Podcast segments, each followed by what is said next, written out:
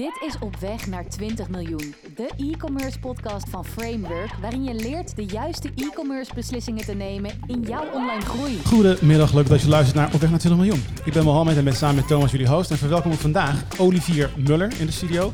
Hij is medeoprichter van Returnista. Olivier, welkom. Dankjewel. Alles goed? Heel goed. Leuk hier te zijn. Return, Returnista, leading the way to zero returns is de, is de motto of de headline. Mooi bedacht. Ehm, Thomas, waarom gaan we praten over de toeren? Nou ja, kijk, ik eh, was bezig eigenlijk met het een beetje nadenken over van eh, welke onderwerpen we de revue moeten laten passeren. En zeker in een, eh, in een periode waarin de omzetten van e-commerce eh, wat meer onder druk komen te staan. En toen kwam ik eigenlijk een heel mooi artikel tegen. En dat ging een artikel van Post- en Pakketmonitor. 57 miljoen pakketten die eh, jaarlijks retour komen in Nederland. en ehm, nou ja, dat, dat is in totaal volgens mij 11,4% van het totaal aantal pakketten die naar consumenten worden verstuurd. En dat vond ik zo indrukwekkend dat ik dacht van nou, daar moeten we volgens mij verder in duiken. Want laten we zeggen, we kijken heel erg naar die voorkant, naar die pakketjes die uiteindelijk verzonden worden. Maar ehm, ja, ongeveer eh, 57 miljoen pakketten die terugkomen. Ik denk dat daar een wereld te winnen is op het moment dat je dat goed regelt. En dat is eigenlijk de reden waarom eh eh, eh, Olivier hier aan, eh, aan tafel hebben staan. Want eh, hij dacht precies hetzelfde. Daar is een wereld te winnen. Zeker weten. Wat is uh, Returnista en wat, wat, wat doet het eh, platform? Returnista is een, eh, een platform. En wij, onze klanten zijn webwinkels, vaak eh, in de fashion-industrie, Ja. eh, midden- en grootbedrijf. En ja, die webwinkels die hebben ongelooflijk veel retouren en daar moet je iets mee. En wij hebben een oplossing daarvoor bedacht waarin je een geautomatiseerd retourproces hebt. En wij zien het retourproces heel kort gezegd als een vergeten verkoopkanaal. Ja. Proberen zoveel mogelijk omzet vast te houden daar waar mogelijk. In de, ruil, in de vorm van omruilingen en een store credit. Kunnen we later nog eindeloos over lullen. Maar eh, leading the way to zero returns. Dus we proberen echt de retour uit te bannen. eh, door met onze klanten samen eh, te kijken waar komen die retouren vandaan en hoe gaan we daar een verkoopkans van maken. Kijk, de aanleiding voor deze podcast is geweest. ehm, wij zien dat het aantal retouren. Het, is, het aantal is gewoon heel hoog. Ehm, daarom dachten wij, laten we het hebben over die retouren. Maar mijn vraag is. Het, het verhaal bij het oprichten van een bedrijf. Wat is dat verhaal geweest? Waarom ben je aan de slag gegaan met, met de issue van retouren? Nou, Quint en ik, eh, dus mijn broer en ik, die, eh, we, hebben samen Returnista opgezet, zo'n jaar of zes geleden, samen met partners. En we zagen eigenlijk e-commerce in een enorme boom. En dan in dat laatste deel van die klantreis, het retourproces, zagen we heel weinig gebeuren. En echt overduidelijk was dat het ondergeschoven kindje. En wij dachten, daar moeten we induiken, want niemand zit daar, eh, heeft daar nu business. En eh, er is wel een enorme pijn, zowel voor consument als webwinkel. En als je dan ook met e-commerce eh, ondernemers praat, iedereen zegt, eh, nou met Black Friday heb ik een miljoen euro omgezet. Ja. Maar niemand zegt, ik heb ook 600.000 euro van die producten weer teruggekregen. Je hebt die pijn zelf ook ervaren.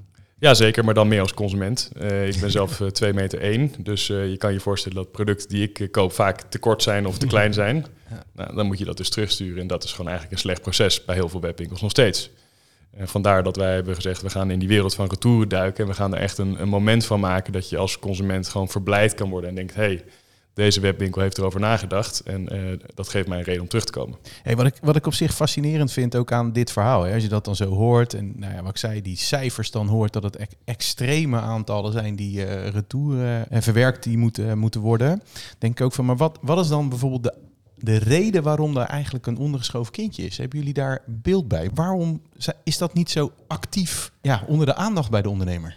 Nou, ik denk dat sowieso de afgelopen tien jaar was e-commerce natuurlijk alleen maar in de lift, in de lift, in de lift. Eh, mensen waren gewoon bezig met veel geld verdienen. Eh, en ja, dan is toch eh, dat moment dat je die omzet dus niet kan boeken omdat de retour komt, dat het wordt een beetje op het tweede plan geschoven, heel duidelijk. Eh, ik denk de reden waarom ik hier vandaag ook ben, is dat de economie iets langzamer begint te draaien. E-commerce een beetje moet bijkomen van de hele COVID-boom. Dan zie je dus dat omzetten teruglopen en denken mensen, hmm, misschien is het toch wel eens tijd om eens even te kijken naar mijn retourproces en die uit de hand gelopen retourpercentages. Ja, Ja, ik, zat, ik zat namelijk in, in, in, in datzelfde eh, artikel zat ik te lezen dat er gemiddelde kosten van een retour eh 12,5 euro is. Zeg Zeker. maar. Toen dacht ik bij mezelf, zo, dat is wel serieus veel geld. Als je, nou ja, kijkt soms naar gemiddelde ordewaardes, denk ik, nou jongens, dat, is- dat is echt een wereld te winnen. Ja, en dan kijk, als je een product verkoopt, eh, dan heb je die kosten outbound. En dan wel lager dan 12,5 euro. Maar dan heb je er tenminste nog ook omzet tegenover staan. Ja. Dat is het probleem met retouren natuurlijk. Er komt iets terug, die omzet kan je niet boeken, maar die kost heb je wel. Ja. Dus eigenlijk kan je zeggen dat dat gewoon dubbel pijn doet. Ja, Je had het net over eh, ehm, ehm, nou goed, het marktsentiment enigszins. Ehm, gaat het nu anders met retouren? Of is het hetzelfde, maar kijken we er anders tegenaan? Nou, bij de klanten die bij ons zitten gaat het wel anders. Want we zijn echt eh, actief met hen samen op weg naar minder retouren. Dus echt begrijpen waar die retouren vandaan komen. En bijvoorbeeld welke klanten je dan eh, aansl- aanschrijft in de vorm van marketing. Ja. En eh, wat de retourpercentage binnen zo'n klantgroep is, om maar een voorbeeld te noemen. Maar gemiddeld genomen gaat het retourpercentage wereldwijd omhoog. En dat, Mhm. daar zijn een aantal eh, redenen voor aan te wijzen. En Dus wat zijn de redenen? Waarom? Mm, een daarvan, nou sowieso tijdens COVID was er een hele grote groep onervaren shoppers die online gingen. Eh, Daar zag je de retourpercentage significant van omhoog gaan. En een andere, en eh, wij noemen dat gewoon een, een boosdoener, is achteraf betalen. Buy now, pay later. De Klarna's en de Afterpays. Die zorgen ervoor dat de, dat de mandjes weliswaar een beetje omhoog gaan. Maar de retourpercentages al helemaal. En eh, ja, dat is niet goed voor eh, een klantervaring. En, kan, je- kan je daar iets meer over vertellen? Wat, wat zijn die verschillen dan? Nou, stel ten opzichte van Afterpay, eh Ideal. Ideal is denk ik veruit de grootste, maar Afterpay, ja, laten we zeggen, wij stellen hem ook wel eens voor bij, bij klanten van ons. Maar daar ben ik wel een geïnteresseerd. Wat, wat, wat doet dat op het moment dat je zegt uitgesteld betalen op je retour? Keer twee. Keer twee. Ja, dus ten opzichte van Ideal zie je dat de retourpercentages met achteraf betalen twee keer zo hoog zijn. Ja, en dat doet heel veel pijn. Eh, en die achteraf betalen methodes zijn natuurlijk ook niet de goedkoopste methodes. Dus ja. in ons platform laten we webwinkels zien eh, wat die betaalmethodes aan de voorkant dus eigenlijk betekenen voor de retourpercentage aan de achterkant. En ja, het gebeurt wel eens dat klanten dus, eh, en met klanten bedoel ik webwinkels, een andere beslissing moeten nemen ten opzichte van wat voor betaalmethodes ze aankiezen. Maar is er niet een argument te maken dat je met Afterpay of Klarna, dat soort partijen, meer conversie hebt? En dus ook natuurlijk keer twee retouren. Maar wa- wat, wat zegt het voor, voor de conversie? Hebben jullie daar wel eens naar gekeken? Jazeker, nou, dat kunnen we zelf niet eh, per se herleiden vanuit eh, onze eigen data. Maar dan wel gaan we met klanten in gesprek over hoe een conversie was voor en na het aansluiten van zo'n betaalmethode. Die gaat zeker omhoog. Ja. Maar als je kijkt naar bijvoorbeeld de omvang van eh, mandjes, dan valt dat echt reuze mee. Vaak 20 tot 25 procent. En als dus ook je retourpercentage aan de achterkant twee keer omhoog gaat. Ah. En zoals eh, we net al even hoorden, 12,5 euro per retour eh, die je aan kosten maakt. Dan moet je wel verdomd veel eh, extra conversie binnenhalen, wil je dat uitkomen. Ja. Eh, dus ik zeg niet dat Buy Now Pay Later nooit werkt. Maar ik zeg wel dat we altijd zien dat eh Buy Now Pay Later eh, betaalmethodes eh, de hoogste retourpercentage hebben binnen een webwinkel. En, en daar zijn ondernemers nu meer attent op en eh, zijn er gevoeliger voor. Thomas, wat zien wij als het gaat om dat marktsentiment 2023, e-commerce, hoe gaat het? Ik denk dat er nog steeds wel groei is. Eh, maar het, het is, laat zo zeggen, en dat zie je dus ook in, ehm, nou ja, eigenlijk bij de hele grote partijen. Ik denk eh, bijvoorbeeld aan een bol.com, eh, die dus onlangs, nou, volgens mij iets van 300, 400 mensen uiteindelijk ook de laan uit heeft, heeft gestuurd. En dat is niet zozeer ehm, omdat het niet goed gaat, maar dat ze veel meer bezig zijn met van, joh, wij hebben ons opgemaakt om de groei Eh, eh, die we in de afgelopen jaren, dat is eigenlijk allemaal gelukt. Hè? Dus die groei zat erin. Eh, en nu gaan ze veel meer voor rendement. Ze gaan veel meer kijken naar van wat houden we uiteindelijk over. En dat is denk ik ook de reden waarom wij dit soort podcasts nu ook aan het, aan het opnemen zijn. Omdat ik juist, hé, we kunnen continu maar aan die voorzijde kijken en zeggen van nou, hoe zorg je er nou voor dat iemand converteert? Maar er zit nog zoveel geld in je organisatie op het moment dat je dat goed bekijkt. Hè. Eh, eh, vorige podcast hebben we gesproken over ehm, een eh, inkoopsoftware. Nou ja, weet je, dit is natuurlijk daar heel erg aan gelinkt. Het zijn Ja. allemaal interne dingen. Het lijkt allemaal als zijn van ja, moet je daar nou mee bezig zijn? Maar als je dit soort bedragen hoort en aantallen hoort, ja, dan zou het bijna iets moeten zijn wat ook weer ergens op een dashboard komt te staan. Wat is, hoe is het met mijn retouren gesteld? Wa- Wat kunnen ondernemers uiteindelijk doen, eh, Olivier? Dus ze hebben al die retouren en wat is de oplossing? Wat gaan ze doen? Nou, kijk, Retunista is echt een tool, niet zozeer de oplossing aan zich. Dus wat wij doen is eh, in eerste plaats inzichtelijk maken eh, van waar die retouren dan vandaan komen. Dus je moet dan heel erg denken aan, aan, aan producten en aan, aan klanten. Dus je kan heel veel begrijpen over wat er op productniveau be- gebeurt met die producten. Ehm, heb je bijvoorbeeld eh, niet de juiste fotografie? Eh, is je maatvoering eh, incompleet of juist onduidelijk? Beschrijving, et cetera. Nou, dat kunnen we allemaal heel snel inzichtelijk maken op het moment dat je Returnista aansluit op je webwinkel. En dan heb je ook nog op klantniveau. Dus je kan heel snel zien welke klantgroepen jij bijvoorbeeld target met je marketingactiviteiten. Uh, en een bepaalde klantgroep kan bijvoorbeeld heel rendabel lijken. Maar als je dan ook de retourdata er even bij pakt, dan kan het zomaar zijn dat een bepaalde klantgroep helemaal niet rendabel is. En dat je juist die op het oog minder aantrekkelijke partij, even groep zou moeten targeten. Ja, en wat ik laatst als een ander topic, zeg maar, dat is de gratis verzending. Hè. We, de, de speelt nu heel veel in de, in de wereld van oké, doe je dat nou wel of doe je dat nou niet? aan de ene kant vind ik dat dus ook wel interessant om te zien, want die gratis verzending die heeft in principe, denk ik, impact op retouren.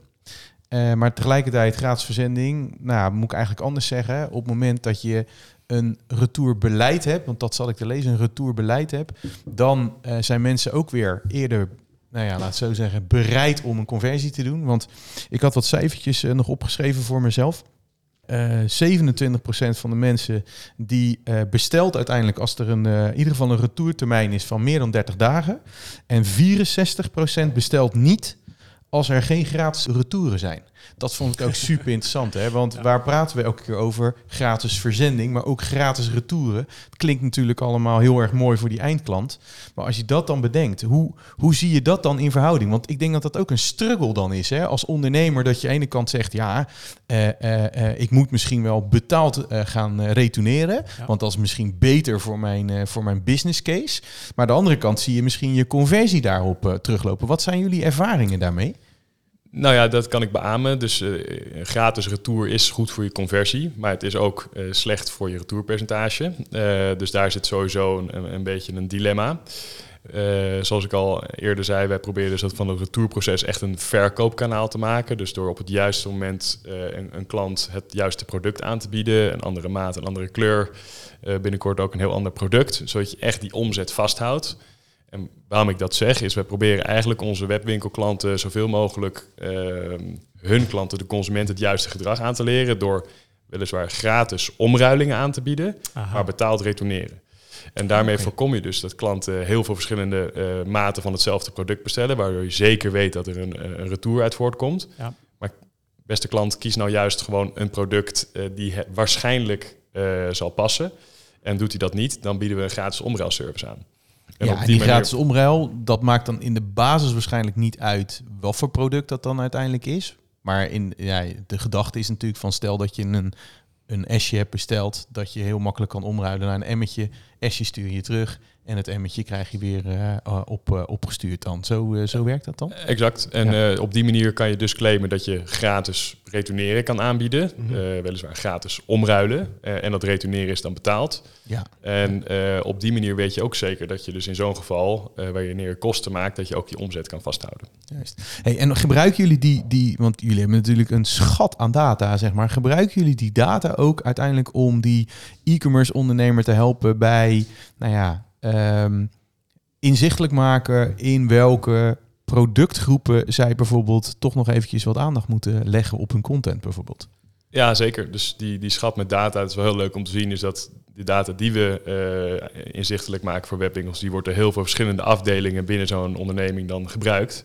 En zo ook de inkoopafdeling. Dus die kijken echt op SKU-niveau, kijken ze mee van wat zijn nou de meest voorkomende retourredenen. Nou, vaak zien we dat bij fashion ongeveer 70% maat gerelateerd is en 30% overig.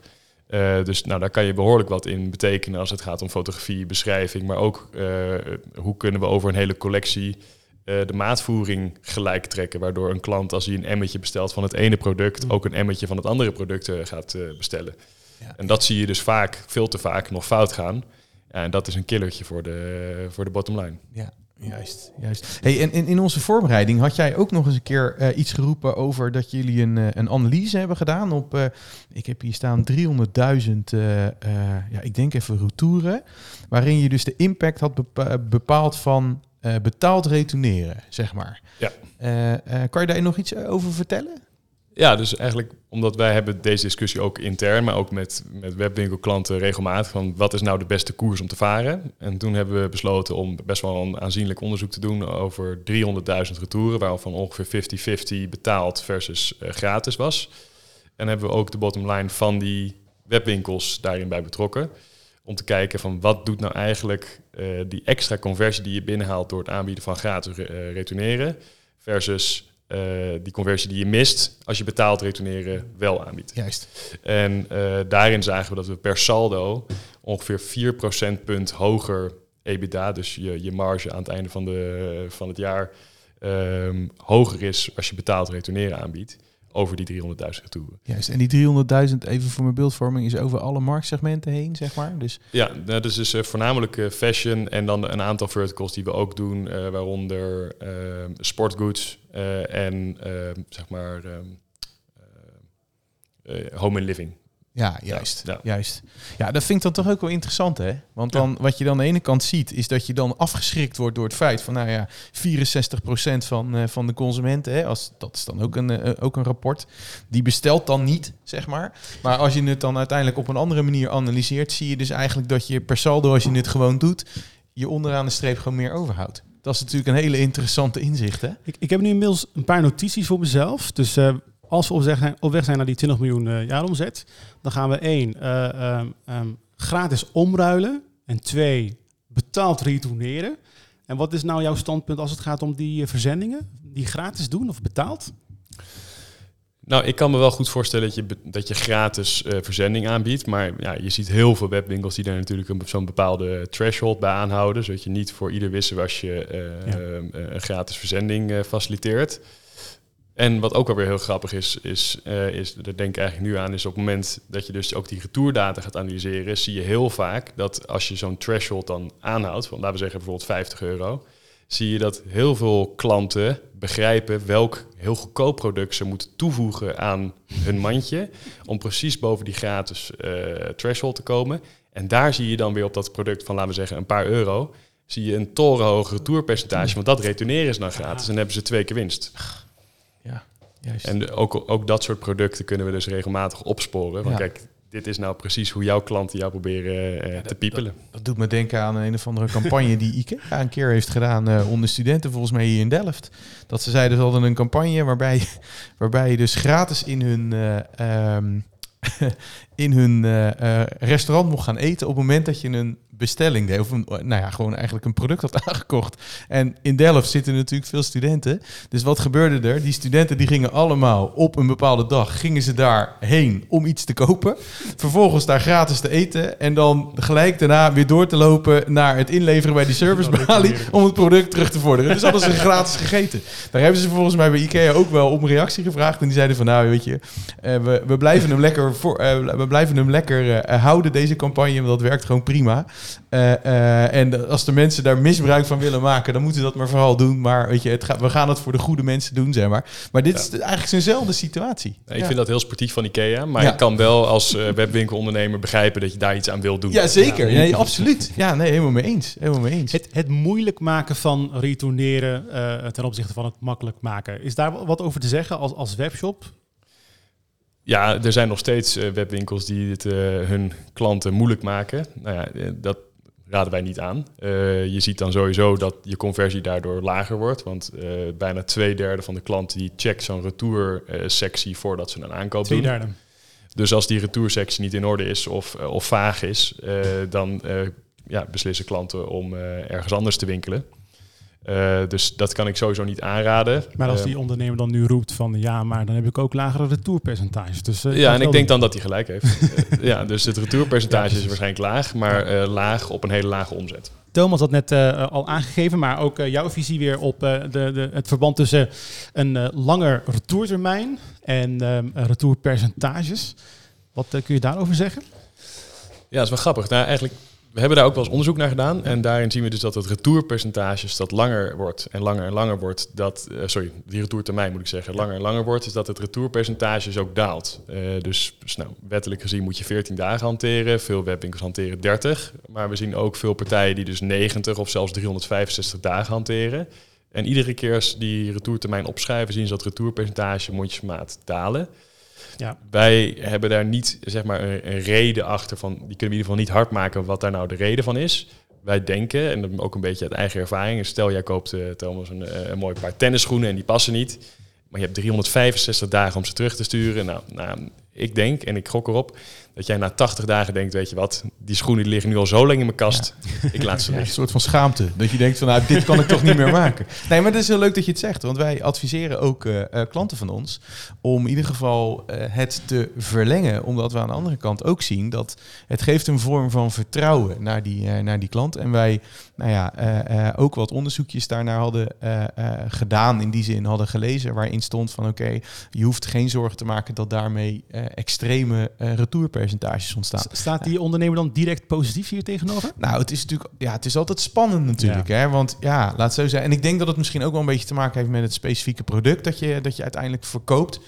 Eh, eh, maar ik, ik denk wat, eh, wat Olivier ook aangeeft, is dat op het moment dat je eh, iets hebt en dat heb je al wat langer in huis, je toch op een of andere manier aan dat product gaat hechten, denk ik, of zo.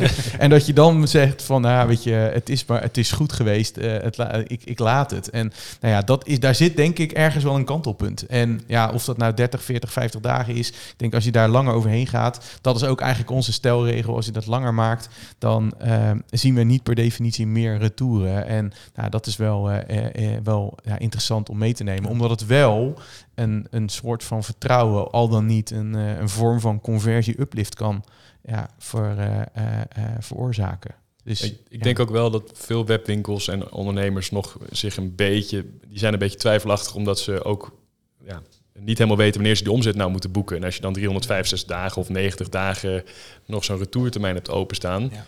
dat dat ook een beetje in de administratie en in je resultaten een soort van onzekerheid met zich meebrengt. En dat op een gegeven moment ook wel lekker is om te kunnen zeggen, nou dat product hebben we nu echt verkocht. en 30 het komt dagen geleden, dus dat Ja. komt niet meer terug. Ja. En ik denk dat dat ook nog wel een deel is van eh, waarom dat nou niet heel breed gedragen is. Maar als je het kan en je durft het, dan zou ik het wel aanraden.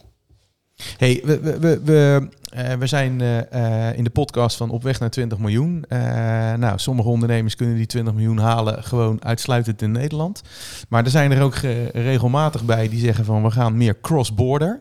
Ehm, wat zien wij daarin? Zeg maar, zijn daar nog verschillen in al dan niet in, in regeltjes? Kijk, ik weet bijvoorbeeld Duitsland wat heel dichtbij. eh, Mo heeft daar net eh, een, ook een podcast over op, opgenomen.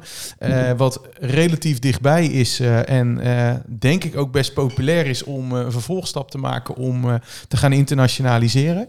Wat, wat, wat weten we daarvan? Is dat, is dat ook iets wat, wat jullie veel doen, shops die cross-border werken? Ja, zeker. Nou, dus ongeveer 80% van de klanten die op ons platform zijn Nederlandse webwinkels. Aha. En eh, ik denk mooie eh, handelende ondernemersgeest eh, zie je heel veel partijen die ook internationaal verkopen. Veel in Duitsland, België, Frankrijk, maar ook veel verder. We hebben een aantal partijen die heel goed draaien in Slowakije en Bulgarije. Ehm, en via het platform faciliteren we dat allemaal. Dus we zitten op, in, zijn in 27 landen, dus de hele EU, het Verenigd Koninkrijk en de Verenigde Staten zijn we beschikbaar. En hebben we eigen logistiek contracten. Dus als jij wil verkopen in, eh, in Griekenland, eh be our guest. We hebben daar een, eh, een mooie retouroplossing, zodat een klant ook kan retourneren. Ehm, ja, en je ziet dus steeds meer partijen die stap maken, internationaal gezien.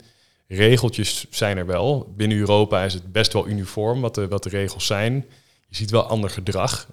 De Duitsers zijn nog net iets beter in retourneren dan wij.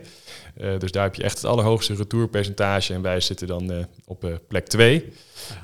en dan hoe zuidelijker je gaat, hoe lager de retourpercentages eh, zijn. Waarom? Wat- Ja, dat ook zeggen. Ja, precies. Bijzonder. Heb je daar, is daar, een, is daar een, een reden voor? Eh, ik heb de reden niet, maar ik kan wel iets verzinnen. Eh, eh, nee, nee, nou, je ziet dus ook dat de mandjes, eh, de waarde van de mandjes lager is. Dus dat eh, mensen lijken beter te overwegen wat ze kopen. Mm. En eh, zie je toch dat Nederlanders en Duitsers eh, vrij grote mandjes hebben, waar vaak veel meer producten in zitten. Ja, en die producten komen dan toch vaker retour. Ja, een soort van gemak van gooi alles er maar in. En, eh, maar is het dan bijvoorbeeld ook in, eh, in die specifieke landen ook wellicht een iets ander beleid waar bijvoorbeeld geen gratis retouren zijn? Weet je, is daar iets over duidelijk dat daar bijvoorbeeld wat, eh, nou ja, laten we zeggen, wat meer gewoon is dat je betaalt voor een retour? Ja, ik denk dat je dat kan zeggen. Dus ehm, in Zuid-Europa en ook al Midden-Europa is het normaler om te betalen. Eh, Duitsers, dat zien we ook wel eens op reviews, eh, die zijn echt helemaal verbolgen als ze moeten betalen voor een retour van een Nederlandse webwinkel. Dat is daar gewoon niet de standaard. En als ze dan eh vijf of zes euro moeten afrekenen om dat pakketje terug te laten gaan naar Nederland, ja, dan zijn ze niet blij. Dus dat zie je wel, dat bedoel ik met gedrag Ja, en, en verwachtingen. Die verschillen er wel degelijk binnen Europa. Hoe, wat ik wil weten is, ehm, hoe makkelijk is het voor een ondernemer om te zeggen, joh, ik ga ook in uh, andere landen. In het kader van, retour, van, van retouren, hè? Mm -hmm. met Returnista ten opzichte van zonder, of tenminste met een tool. Want ik kan me voorstellen dat jullie het makkelijk maken, dat het voor hun een knop aan is. Maar ja. stel dat ze geen tool gebruiken en ze gaan de grens over. Retour, is de afhandeling daarvan heel veel moeilijker dan in Nederland? Nou, nee, niet zozeer. Maar stel je verkoopt een product in, in Frankrijk en je hebt daar geen retouroplossing. Dat betekent dus dat je zo'n klant moet vragen om gewoon op eigen houtje zo'n pakket uh, in te leveren bij een pakketpunt. Uh, diegene te vragen dat retouradres erop te schrijven en dat te laten versturen. Ja. Dat betekent dat je totaal geen inzicht meer hebt in waar dat pakket is. Uh, uh, en je dus heel makkelijk ook discussies krijgt met een klant waarvan je de taal misschien minder goed spreekt. Uh, dat dat pakket al dan niet onder, onderweg is. daarnaast over al dat soort pakketstromen verzamel je dan ook geen data tot het moment dat dat pakketje dan terug is in je magazijn. Ja. En ja, dus het is een beetje. ik ben wat biased, maar het is heel fijn om al die data uit al je landen waar je verkoopt in één plek te hebben, zodat je weet wat je performance is. Ja, en, ik, en, en is dat, heeft het er ook nog mee te maken met dat, eh, want ik hoorde jou net zeggen, wij hebben afspraken met, nou ja, verzenders, eh, transporteurs, eh, dat soort taken. Ik zie dan even voor me de PostNL's, de DHL's en de UPS. En nou ja, zo zullen er nog wel veel meer zijn eh, binnen, ehm, binnen verschillende landen. Is dat ook waar jullie kracht op een bepaald moment zit? Het versimpelen, zeg maar, van dat proces. Want ik kan me heel, heel goed voorstellen dat je op een bepaald moment zegt... ja, de ene gaat naar uh, pakketpuntje A, de andere naar pakketpuntje B. Uh, de klant die wil ze misschien wel gratis retouren aanbieden. Ik weet niet eens of dat... Kan dat dan op het moment dat je het zelf allemaal organiseert? Dan zou je waarschijnlijk afspraken moeten maken met al die verschillende partijen, ga ik even vanuit. Ja, dat klopt. Ja. dus je zou ofwel uh, afspraken moeten maken met uh, de DPD's, UPS en DL's van deze wereld in al die verschillende landen nou ja, kleine kans dat je daar dan een goede prijsafspraak krijgt. Want uh, je hebt daar in je eentje waarschijnlijk niet een, een, een significant volume. volume. Nee, nee. Dus dan kom je al snel bij uh, partijen zoals die van, uh, van ons. waarin je dus mee kan liften op hoger volume binnen zo'n land. Dus dat kan via Returnista, maar dat kan ook via SendCloud. En zo zijn er nog tig die dat verzamelen als onderdeel van hun business hebben gemaakt. En op die manier kan je dan alsnog outbound en inbound, dus de, de verzending en de retour, redelijk schappelijk aanbieden. Um, maar je ziet heel weinig partijen die dat echt op eigen houtje allemaal gaan uh, ja. regelen. Juist. Hey, en, en hoe is dan, want nou ja, laat zo zeggen, wij zijn een webbureau, wij doen veel integraties, webshop integratie. Wat is, wat is de integratie zeg maar, van zo'n uh, van zo'n systeem zoals jullie? Is dat iets van dat je zegt van oké, okay, knopje aan, knopje uit. We werken met platform Magento. Nou, je hebt verschillende platformen, Magento, Shopify, Shopware, nou ja, eh, neem het. Zeg maar, hoeveel inspanning moet een e-commerce ondernemer uh, uh, doen om uiteindelijk zo'n systeem zoals jullie aan te sluiten binnen hun nou, eigenlijk bijna primaire proces? Want dat is eigenlijk wat je wil. Ja, nou, dat verschilt licht per platform. Uh, maar de, de basis ervan is heel makkelijk aan te sluiten. Dus we, uh, met een paar drukken op de knop kunnen wij je data ophalen uit Magento, Shopify, Lightspeed, de platforms die we ondersteunen.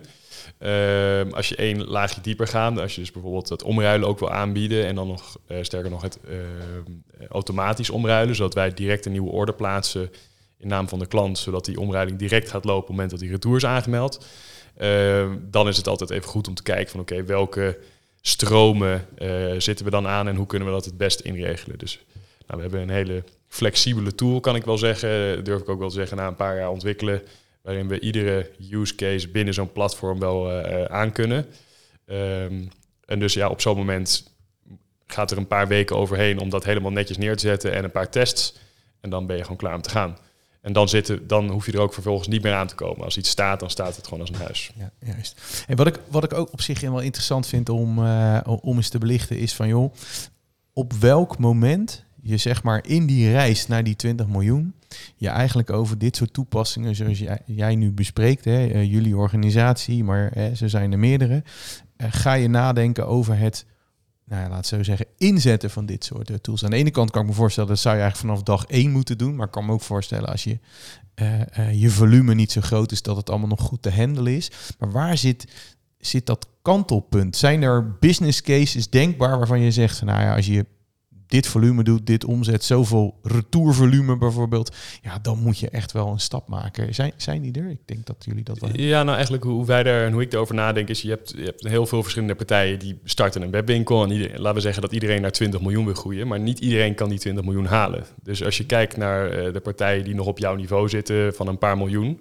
uh, hoe hoger jouw marge is en hoe lager jouw retourpercentage is, uh, hoe meer marketinggeld uh, jij overhoudt aan het einde van de maand om de volgende campagne te draaien, hoe groter de kans is dat jij uh, sneller gaat dan je concurrent. Ja. Dus als je het echt een beetje als een soort van red race ziet naar, naar die 20 miljoen, denk ik dat als je heel vroeg begint met een veel lager retourpercentage dan je directe concurrentie, de kans dat je het gaat halen gewoon veel groter is. dus ik denk niet vanaf dag één. Maar ik denk wel als je echt die eerste rondom de 1 miljoen euro begint te draaien aan, aan omzet uh, afhankelijk van in welke uh, vertical je zit, maar laten we even voor het gemak fashion zeggen, zou ik je van harte aanraden om naar een oplossing zoals die van Retunista of een van onze uh, concurrenten te kijken, want dat kan je echt heel erg goed helpen. En als je dat niet doet, heeft het impact op je, op je, op je marge, je cashflow. Wat voor een impact heeft het, heeft het impact op de klantenservice? Gigantisch. Ja, dus uh, ongeveer tussen de 30 en de 40 procent van de incoming tickets bij klantenservice gaat over de retour. Mm -hmm. uh, iedereen die uh, naar deze podcast luistert, zal er ervaring mee hebben. waar is mijn terugbetaling? Is mijn retour al verwerkt? waarom heb ik het verkeerde bedrag teruggekregen? Ik had hem in de korting gekocht en nu krijg ik een ander bedrag terug, nou, et cetera, et cetera. heel veel van dat soort vragen kunnen we gewoon automatisch afhandelen. met proactieve communicatie uit het platform. Uh, en ja, dat scheelt dus tijd en het scheelt dus ook geld. Hey, je noemt proactief afhandelen. Dat betekent eigenlijk dat er vanuit jullie platform proactieve communicatie is? Of dat je zegt van oké, okay, nou, je zou eigenlijk al op je platform zelf dit soort dingen allemaal moeten benoemen?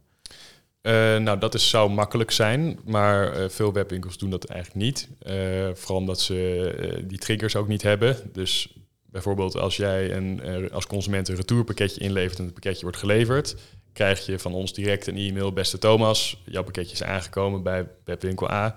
Uh, en dan kan je ook zelf instellen, binnen twee tot drie werkdagen verwachten wij je geld terug op je rekening te hebben. Nou, dan heb jij, weet jij dus al, mijn pakketje is aangekomen, gelukkig, ik ben blij. En uh, je weet ook, ik krijg binnenkort mijn geld terug, dus ik hoef geen e-mail te sturen met waar mijn geld blijft. Um, en je denkt, deze partij die neemt mij ook serieus in de communicatie, ik ga je de volgende keer weer bestellen. Dus eigenlijk met een één hele simpele e-mail, en zo hebben we er nog een paar, uh, kan je dus al heel veel mensen heel erg op hun gemak stellen en, en terecht. Uh, en dat gewoon dat gevoel geeft van ik word serieus genomen als klant. Ja, ja laten we zeggen, ja, eigenlijk is dat een, bijna een no-brainer. Maar ja. ik, ik kan me voorstellen als je dat inderdaad niet goed hebt ingeregeld, dat dat echt een hessel is als jij nou ja, laten we zeggen, uh, uh, weer een uh, aantal van die rol, rolcontainers binnen ziet komen vanuit PostNL. En dat je dan allemaal moet gaan kijken van oké, okay, welke orders zijn dit geweest en ik moet een mailtje sturen en noem maar op. Ja, dan krijg je inderdaad dat mensen gaan bellen naar een klantenservice en gaan roepen van oké, okay, ik heb mijn pakketje verstuurd, maar is die al binnen en wanneer krijg ik mijn geld? Ja. Wij Nederlanders zitten nogal aardig op geld, dus ik kan me voorstellen dat dat een absolute verbetering is voor, voor de klantenservice. Nee. Ik, uh, ik, ik, ik, wil een, een, soort van slotvraag over um, wat, wat, dan de meerwaarde is van Returnista in een notendop. Ik, ik, ik maak alvast een start. Ik denk één is het inzichtelijk krijgen van alle data. Dat had je genoemd, dat mensen weten welke productgroepen, welke klanttypes um, um, verantwoordelijk zijn voor wat voor retouren. Bij twee denk ik te noemen een stukje cashflow, omruilen. Dat je niet laat retourneren, maar dat je omruilen aanbiedt. Hou je je geld vast. En drie is eigenlijk de verlichting van de druk op de klantenservice. Als jij uh, je pitch houdt, noem je dan nog een vierde of vijfde punt erbij? Nou, wij noemen exact die drie punten, Mo. Dus uh, dank dat jij hem eventjes uh, voor mij samenvat. Dan hoef ik dat zelf niet meer te doen. Maar je, je zegt het goed. data, we zeggen er wel altijd bij, data op zichzelf, daar heb je niks aan je moet ook echt iets doen met die data. Ja. Dus uh, wij uh, maken het inzichtelijk en onze uh, support- en succesafdelingen helpen webwinkels dan om, ja, ja, waar moet ik dan kijken? Nou, hier moet je kijken, want je ziet dat je in bepaalde productcategorieën enorm slecht scoort. Daar gaan we wat aan doen. dat omruilen naar het cashflow. dus hoe meer omruiling je doet, hoe minder terugbetaling je doet, hoe meer geld er op jouw bank staat. Um, en als laatste ehm, uh, werken we inderdaad aan, op die supportafdeling. Ja. En ja, gezamenlijk heb je denk ik een, een, mooie oplossing om uh, verder en harder te groeien naar 20 miljoen. Ja, of weg naar 20 miljoen. Thomas, als we het nou uh, als een paar tips voor de, voor de ondernemer, luisterende ondernemer moeten gaan samenvatten, wat ja. uh, moeten we gaan doen? Ja, nou ja, laten we zeggen, uh, hoe ik mijn betoog begon aan het begin van de podcast, is het in een wereld waar 57 miljoen retouren zijn, ja. absoluut iets waar je mee bezig moet zijn. Ik heb vijf dingen voor mezelf genoteerd. Ehm, wat ik interessant vond om te horen is dat er een relatie ligt tussen betaalmethodes en retouren. Dus op het moment dat je achteraf gaat betalen, dat dan twee keer, uh, twee keer zoveel retouren uh, uiteindelijk zijn ten opzichte van, van, van Ideal. Nou, we hadden het net al over de gratis, gratis omruilen. Dat, die gedachte vind ik ook echt heel interessant. in plaats van terugsturen, uiteindelijk je, je cashflow bij je houden door een dienst aan te bieden op gebied van gratis omruilen. Ik had als drie genoteerd dat, nou, ik zou, ja, ik kan niet zeggen dat het een sprookje is, maar op basis van het onderzoek vanuit, uh, vanuit jullie, uh, Olivier, is dat het uh, betaald retourneren niet per definitie betekent dat dat slechter is voor je business. Want ja. 4% punt is toch substantieel op een EBITDA. Dus in die zin absoluut nog eens het overwegen waard om daar eens naar, naar te kijken. Um, wat ik ook heel interessant vind, en dat vind ik dan weer interessant vanuit een marketingperspectief, is, en wij doen daar net zo goed aan mee, hè, de winkelmandjes laten aanvullen tot de verzenddrempel. eh, vervolgens dan eigenlijk zien dat een deel van dat product ook weer terugkomt. Hè, dus vanuit die order dat de retourpercentages toch anders liggen op het moment dat mensen het gaan aanvullen. Vind ik interessant. Dat is ook iets wat ik eh, zeker ook intern nog eens wil neerleggen of wij dat ook eens kunnen gaan, uh, gaan analyseren. En als laatste nummertje vijf had ik het uh, eigenlijk de optimalisatie van het retourproces ten opzichte van je klantenservice. Dus op het moment dat je het goed inricht, dat je uiteindelijk een situatie krijgt dat je zeker in die flow na het verzenden van het pakketje van die consument, dat je ze uh, nou ja, uh, op de hoogte houdt van wat er allemaal gaande is. Dat dat enerzijds professioneel is, maar anderzijds ook jouw vraag op je klantenservice absoluut kan verlagen. En dat is ook iets waarvan ik denk, daar kan je zeker eens over nadenken op het moment dat je met je retourproces uh, aan de slag gaat. Nou, dat waren mijn uh, vijf topics zo. Heb ik het een beetje goed samengevat? Uh... Ja, ik vind het, ik had het niet beter zelf gekund. Kijk, dat is altijd goed om te horen. Hey, uh, laatste woorden voor die luisteraar, Olivier, en dan rollen we hem af. Nou, ik vond het ontzettend leuk om hier te zijn. Ik vind ook je, ik, misschien ik hoop dat jullie het gemerkt hebben, maar ik vind het heel leuk om over e-commerce en over toeren te praten. Uh, en ja, als ik Thomas het zo hoor samenvatten, het is allemaal niet bepaald rocket science. Ja. Uh, maar het, het, zijn gewoon tools die je nodig hebt om gewoon een, een knettergoede e-commerce partij te, te draaien. En uh, wij helpen er graag bij. Dus ik hoop mooie nieuwe prospects binnenkort tegemoet te zien ja. eigenlijk. Bedankt Olivier. Dankjewel. Dit was Op weg naar 20 miljoen. De podcast die je helpt betere beslissingen te nemen in jouw online groei. Ga voor meer afleveringen naar je favoriete podcast-app. En vergeet je niet te abonneren.